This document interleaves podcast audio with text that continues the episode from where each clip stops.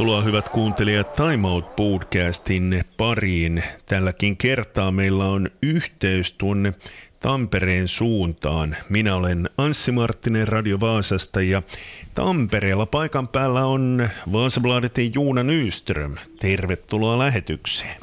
Tack ska du ha. Aloitetaan jääkiekon maailmanmestaruuskisoista, koska siellä olet paikan päällä ja seurannut näitä kisoja. Ennen kisoja sanoit, että Suomi on innakkosuosikki voittamaan maailman mestaruuden. Nyt kun kisoja on käyty yhtä ottelua lukuun ottamatta tuo alkulohko, niin vieläkö olet samaa mieltä? Ja, jag skulle nog säga att Finland hör till förhandsfavoriterna ännu, men kanske nu inte lika solklart som man hade en känsla för där före turneringen började. Det finns nog det finns andra starka kandidater nog, det måste man säga. Niin, kun Suomen peliä on seurannut, niin vaikeita otteluita Suomella on ollut. Periaatteessa omasta mielestäni ainut peli, jossa Suomi pelasi hyvin, oli Ruotsiottelu ja sekin hävittiin. Mistä luulet näiden ongelmien johtuva?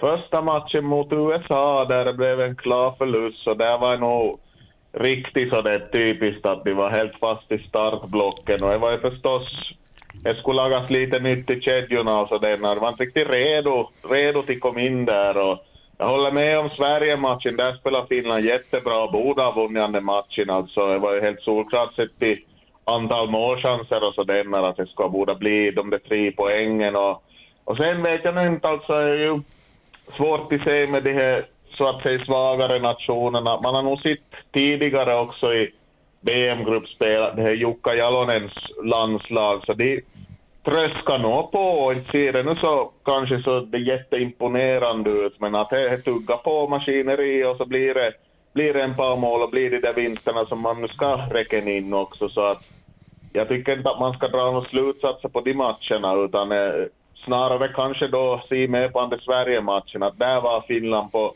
på sin nivå ganska långt. Jukka Jalonen on saanut aika vähän arvostelua, totta kai ymmärtää sen, kun on olympiakulta ja maailmanmestaruuksia taskussa, mutta jos olisi ollut joku muu valmentaja Suomen leijonien peräsimessä, niin varmasti olisi raparoiskunut paljon enemmän. Hei, mycket möjligt. Jo. Jukka Jalonen börjar nog ha helgonstatus, eller vad man ska säga, i frågan är väl inte när det byggs staty av honom någonstans vid någon arena här i landet, utan frågan är väl vilket material och hur hög den här statyn ska vara. Så att ja, det kan nog hända, men samtidigt så jag håller fast vid det att de här jättelånga gruppspelen med, med en par matcher där som egentligen inte betyder så mycket, så man ska inte dra för stora slutsatser där, även om vi kan se till exempel nu att vi har USA här i Grupp A i Tammerfors som har gått jättebra. Vi har Schweiz bort i Riga som ser jätte, jättestark ut på basen av sina insatser i gruppspelet. Så där kanske stora favoriterna tillsammans med Finland och då ska vi inte räkna bort Sverige heller som ser farligt stabil ut.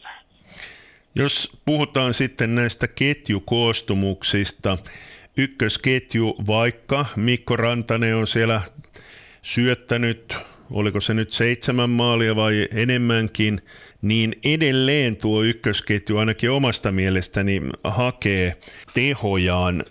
Olisiko tuo ykkösketju pitänyt jo aikaisemmin pistää palasiksi ja vaihtaa vähän uusia pelaajia siihen? Ja, intressant fråga förstås. Att jag, jag ser ju tanken nu i hur de här kedjorna är uppbyggda, att man försöker fördela spetskompetensen lite. Att till exempel man skulle kunna tänka sig att, att Mikko Rantanen skulle få någon NHL-spelare med sig i sin kedja, att det skulle kunna klicka bättre och säga att Teemu Hartikainen och Kaapo Kakko till exempel skulle byta plats så att det skulle bli mer tyngd åt det hållet och, och kanske de skulle hitta någonting där. Samtidigt vet jag inte, kanske lite med den första kedjan och att det blir så stor betoning just på Mikko Rantanen och vad han hittar på. Att emellanåt ser det ut som att han tröst, eller liksom trycka på och pressa på för sig själv där och att alla andra bara väntar åt vad ska han nu riktigt hitta på den här gången. Så att, ja, men det är nog ganska bra egentligen att man, man, man är bäst poängmässigt i laget utan att ha gjort mål. Att han har de där sju assisten och, och nu kommer han till göra något mål i den här turneringen småningom nu, men man märker också på honom att att nu känner han av den här pressen och nu vet han vad, han, liksom, vad som förväntas av honom. Att, att, för vill vara lite sådär purista, håller i klubban lite för hårt emellanåt och han har ju sumpat massor med chanser. Joo, ja tosiaan aika moni asiantuntija on sanonut sitä, että kun varsinkin ykkösketjulla on ollut kauhea tarve tehdä niitä maaleja, tehdä pisteitä, niin noin vaihdot on venynyt ja sitten loppujen lopuksi siellä on ollutkin aika väsyneitä ukkoja esimerkiksi ylivoiman loppuvaiheissa. Joo, no powerplay är förstås en sak, att där om du håller trycket och sådär, alltså du börjar ju inte riktigt byta ut hela femman bara sådär. Så att om, om powerplay snurrar på bra så då ska ju gubban hållas på isen, och så ska, men då ska de göra mål och tycker man att men jag tycker ju också att just denna med de långa bytena och balansen bakåt, där har vi ju lite sitt, denna att det kan slå över. Och Finland har släppt till lite så här märkliga kontringar, märkliga lägen där motståndarna får komma i manövertag i, i anfall. Och, och det måste ju filas bort till, till en kvartsfinal åtminstone. Och jag tror inte vi kommer att se så mycket av det sen då är dags till spel i här vinna eller försvinna matcherna, då kommer det att bli ännu mer det här Jalonens maskineriet och, och lite tätare byten, lite tätare formation hela tiden. Och, och då kommer också en sån som Mikko Rantanen till måste anpassa sig till det.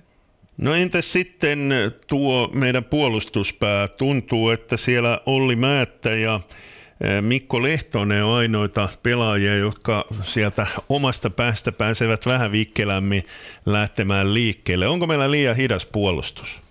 Ja, kanske. Det finns ju en del gubbar där som har varit med, varit med väldigt länge och, och det finns ju ganska många sådana här renodlat defensiva backar där i, i det här försvaret så att är väl kanske det man ser med då, just det där att vi inte riktigt har den där solklara blue-liner-backen eller den skrinnande backen, precis som du talar om. Att, ja, men om man jämför med då, en som Miro Heiskanen är med så är det något helt annat, eller en Sami Vatanen. Så att där får man ju också sökande balans. Men jag tycker också att backarna nog spelar helt okej okay i hur de stöttar uppspelsfasen och, sen klarar av till hållzonspel i anfallszon. Så att inte tror jag faller liksom på heller inte.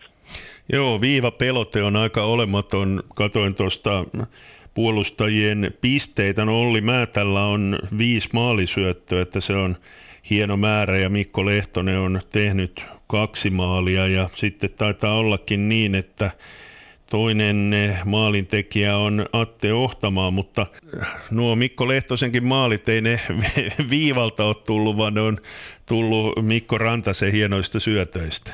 Ja, han har smugit upp där, men det är ju också en bra förmåga att komma upp där i cirkeln istället. Så det och sen har vi Mika Koivisto som har två assistpoäng och han har skjutit stolpen och två gånger, så han skulle kunna vara ganska högt där i Finlands poängliga, bara han skulle ha lite, lite mera flyt. Så att nu är det ju som, kanske som Mikko Rantanen sa här efter någon match, att, att okej okay, att om inte pucken går in, men det viktigaste är att man fortsätter skapa de chanserna, för att förr eller senare så kommer man till kapitalisera på dem. Och he pro- problemet har ju inte Finland, att de skulle komma till målchanser.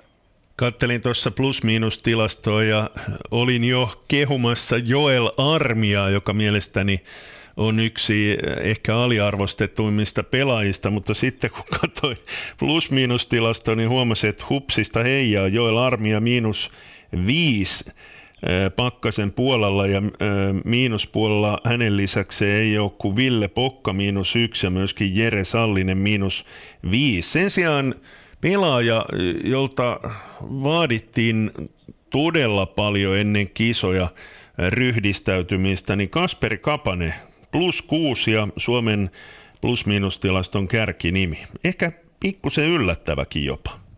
Jag, jag tycker ju att det var någon som sa där före turneringen att Kasperi Kapanen kommer till Höjse. Minns du vem det var? Uh, kanske du. ja, nej, jag, jag har nog på känn liksom att just, okej okay, att han var med där i EHT, men att det som där spelar, Kasperi Kapanen har ju inte haft en bra kurva i karriären i NHL, utan det har gått lite neråt hela tiden och säkert lite frustration därifrån och då kan man ju som tycker jag köpa att han kanske inte tänder till då, då man spelar förberedande matcher. Men direkt VM börjar så han har, han har bättrat på hela tiden. Han har varit en väldigt, väldigt tongivande spelare i Finlands anfall i hur han snabbt kan vända spel och han spelar smart. Han försöker inte alltid liksom själv heller utan tota, vänder upp, han ser sina lagkamrater. Så jag tycker han spelar, han har varit kanske spelmässigt Finlands bästa anfallare så här långt. På vilket sätt han får som genomslag i allting han gör förstås. Mikko Rantanen och alla hans assist och hur han drar på sig motståndare för att de, de vet ju vem man är och de kanske lägger två gubbar på honom ibland. Så nu, nu är det viktigt då, men det är väl de två då som kämpar om då, att vem som är anfallsstjärnan nummer ett just nu. Torstaina on sitten puolivälierät tiedossa. Tsekki tai Kanada tulee vastaan. Onko väliä kumpi tulee? Intressant fråga förstås. Att, att Kanada nu till exempel, så nu på måndagen så förlorade de mot Norge på, på straffar. Det är lite så det typiskt kanadensiskt det där att man kanske inte alltid dyker upp som på riktigt i de här gruppspelsmatcherna. Men det är ju, är ett lag som alltid höjer sig sen då det gäller och de var ju i final i fjol också. Sen å andra sidan Tjeckien så har Finland haft lite problem med, om man tänker på landslagssäsongen i stort. Och ju Kari Jalonen där som nu har fått drill det här laget ganska länge, så är ganska samspel på segt gäng här. Så ja, jag vet inte. Jag, jag skulle kanske hellre ta, ta Kanada. Ja. Time Out Podcast käynnissä. Jääkiekosta puhuttiin ensimmäisessä osiossa, mutta nyt siirrytään sitten muihin lajeihin ja mennään yleisurheiluun ja Camilla Richardsoniin. Camilla Richardson hurjassa vauhdissa, eli teki huiman Suomen ennätys ajan kymmenellä tuhannella metrillä ja paransi lähes 27 vuotta vanhaa Suomen ennätysaikaa melkein puolella minuutilla. Kova suoritus Camilla Richardsonilta. Ja, det måste ju nog bara lyfta hatten. Att det verkar ju ha varit bästa möjliga beslutet. Det här som Rickardsson gjorde, att skifta fokus från hinderlöpningen till, till löp på slätbana istället. Och, och visst hade Anne-Marie Kiekara, visst heter hon så nu för tiden? Mm, kyllä.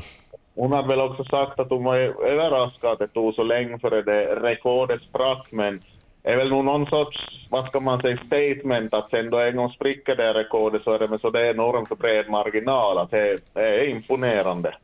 Joo, ja päämatka taitaa olla kuitenkin kesällä 5000 metriä, mutta itse olen sitä mieltä, että jos Camilla Richardson haluaa todella eh, menestystä ja ehkä jopa mitalleja, sanotaan nyt EM-kisoissa, niin maraton varmaan on se oikea matka. No, hon har ju visat prov på att hon kan hon kan prestera på ännu längre sträckor också, så det kan hända att du är in på rätt spår. Och sen får man ju fundera då att, att var är konkurrensen hårdare till exempel i ett EM? Att är, det på, är det på 10 000 eller är det i maraton då? Att man, om man vill börja taktikera där och förstås, men att det är ju hårt arbete som ligger i grunden för att komma till, till en sån här sak som ett så otroligt finländskt rekord också. är ju fint att se att en, en idrottare som envist har, har hållit igång, tuggat på och har kunnat bygga upp det här under en ganska lång tid. Så det blir ju intressant att se nu då att var, var satsningen kommer, var betoningen kommer till ligga i fortsättningen. Sitten puhutaan valmentajista. Jukka Jalonen on valittu monta kertaa vuoden valmentajaksi. Nyt Jalosella onkin kova työ, vaikka Suomi ottaisi maailman mestaruuden, niin kukistaa kahta mielenkiintoista valmentajaa, sillä Tuomas Iisalo voitti koripallossa mestarien liigan ja nyt sitten Tuomas Sammelvuo teki saman jutun lentopallon puolella. Urheilutoimittajat, meikäläinen ei pääse valitsemaan vuoden valmentajia, niin onko se niin, että te saatte valita myöskin tuon vuoden valmentajan? Finns väl nog med där i, i omröstningen också då man röstar att det är ju årets idrottare, årets lag och årets tränare som man brukar sitta och klicka där. Och, och, no, ja, säkert, men jag tror nog att, att blir det ett VM-guld igen på, på hemmais så, så lär nog Jukka Jalonen vinna det här priset på nytt. Att det känns som att det ska väldigt mycket till att det ska bli någon annan. Eli Juuna Nyström ilmeisesti äänestää sitten Jukka Jalosta. Minä en äänestäisi, jos saisin äänestää. Minä äänestäisin luultavasti Iisaloa. Ja, no, jag, jag, följer, jag följer basket och volleyboll lite för dåligt för att de har insikterna där som krävs så att bara det så får mig till lut, lut över på ishockeyn förstås. Men ja, jag kan nog se att, att de här prestationerna är stora med tanke på att det är ju väldigt stora, stora bollsportsgrenar det handlar om. Men, men samtidigt ett andra hemmaguld i rad, ett andra guld i rad för första gången, så är också en stor prestation ifall det sker. Sitten loppuun puhutaan Vaasan palloseurasta. VPS pelasi Hakaa vastaan vierasottelun ja ainakin omasta mielestäni pelasi ihan mukiin menevä ottelu, jopa niin hyvä ottelu, että tuo yksi piste Valkeakoskelta tuntui pikkusen pettymykseltä. Så kan man säkert säga. Och jag, jag såg första halvlek här efter att jag var klar med allting på, på Seinum på måndagskvällen. Sen orkade jag inte se andra halvlek. Jag var så trött i ögat där. Men redan i första halvlek så hände ju mer där på planen än vad känns att det har hänt på hela säsongen hittills. Så det var ju otroligt vad det kom målchanser det var allt möjligt och det var lite konstiga situationer emellanåt i försvaret åt båda hållen. Så att en, en fantastisk fotbollsmatch bara på basen av första halvlek. Och ska man nu se på säsongen i stort så var det ändå någonting som liksom båda gott för att VPS ska hålla sig där, åtminstone hålla sig bort från det här nedersta bottenträsket, fast man inte har tagit så många poängen. Joo, harmittaa tietysti nuo VPSn verkkoon tehdyt maalit. Tuo tokamaali haiskahti kyllä todella pahasti paitsiolta, mutta tässä ekasmaalissa Baba Mensa karmea virhe omalla laidallaan niin sanotussa helpossa tilanteessa vetää hutipallon ja sitten vielä huonoa tuuria, en muista oliko Pitkänen vai Pikkarainen, joka yrittää siivota palloa pois ja se kimpoakin sitten hyökkäjän jalkoihin. Baba Mensahista mä oon puhunut lähes joka ohjelmassa ja mä oon edelleen samaa mieltä, minkä takia Baba Mensa on avauksessa. ja, just där sekvensen så var lite kanske det här Mur Murphys lag, vad heter det, att allt som kan gå fel så kommer det gå fel i något skede. Han tvekade väl där lite en, en, halv sekund om man skulle gå upp och stöt på bollen eller inte och, och, och direkt för att det skulle misslyckas kapitalt. Han skulle inte alls kom in i situationen rätt. Att han det bedömningsförmågan där kanske inte riktigt klickade och och sen det var väl Pitkänen som drog bollen rakt på en motståndare och istället för att bollen som studs halvvägs i Tammerfors så studsade han ju rakt in framför målet. Så, ja, jag tycker att sen under första halvlek vad jag såg så hade Mensa en par bra ingripanden sedan och han är inte den kvickaste, han är kanske inte den spelklokast backen, men han, han, har ju sin fysik i alla fall till spel på. Så, så att ja, jag håller fast vid att han är fortfarande en uppgradering från Kareem Moses som man ju tog som ersättare för. Mä alan pikkusen eri mieltä jo siitäkin, mutta se on meidän asia sitten vääntää joskus kunto. Erittäin tärkeä asia, Peter Cudley Michael teki myöskin maalin liikaottelussa. Ja, äntligen kommer där och jag kommer på en sån här klassisk BPS-manér att fast situation, hörna på bortre stolpen och lyckades jag att det kommande nicken in centralt och så var det lite brottning där och så det målet kom. Att, viktigt förstås att en anfallare som har plockats in sent enbart för att producera så äntligen får få till det där och, och förstås viktigt också att en spelare som Jeppe Engström är tillbaka. VPSn seuraava ottelu on, oliko se tämän viikon perjantaina Ilvestä vasta? Det var väl just så joo. Joo. Sä oot vielä silloin Tampereella, eli et tuotakaan ottelua näe, mutta Ilves on kyllä sellainen joukkue, joka ainakin kotona pitäisi kaataa, vaikka Ilves pelasikin hyvä ottelun HJK vastaan ja pelasi tasuri. No, jag var faktiskt på, på Ratina och såg den här matchen i söndags. No miltä se Ilves näyttää? Ilves såg bra ut. Att Ilves skulle båda vunnit över Klubi. De, de gjorde ett 0 mål, sen hade en straff som drog förbi målet. Skulle han ha gått i mål där så skulle jag blivit tre poäng. Men så riktigt där på slutet så blev det en sån här flippergrej i straffområdet. Så var det väl Bojan Radulovic då, HIKs målskytt, som petade in bollen. Så att ganska tungt. Ilves borde ha vunnit där. Att vi får se hur de har laddat om då, om, om, tog, om moralen tog för mycket stryk där eller hur det ser ut på fredag. Sitten ihan lyhyesti vielä ykkösestä. Siellähän käytiin tuo tiukka paikalliskamppailu Jaron ja KPV välillä ja Jaro voitti tuon erittäin tärkeän ottelun 1-0. sarjataulukko aika mielenkiintoinen siinä mielessä, että KPV on viimeisenä, mitä ei varmasti uskottu, eikä välttämättä uskottu sitä, että Turun palloseura on toiseksi viimeisenä sarjassa. Ja TPS är ju nog en normflopp hittills, men de får väl se sig i spegeln där då att de, de har inte lyckats bygga vidare på, på vad, de, vad de försöker göra där. Och, och nu är det ju, man hade nog trott att KPV skulle vara längre upp i tabellen i det skedet, i alla fall inte riktigt där i botten. Så att, men vi får se, de har, de har ju inte riktigt resurser, de har en ganska tunn trupp, men nu kan ännu lyckas stig därifrån. Och så får vi väl konstatera att den här Jaros David Kati, den här hockeyfotbollspelaren, så har väl gjort det helt okej okay så här långt. Kyllä, kyllä. Kiitoksia Juuna Nyström. Sinä jäät jännittämään ja tekemään töitä sinne Tampereelle ja ensi viikon tiistaina sitten tehdään taimauttia jälleen täältä Vaasasta. Kiitoksia Juuna. Tack ska du ha.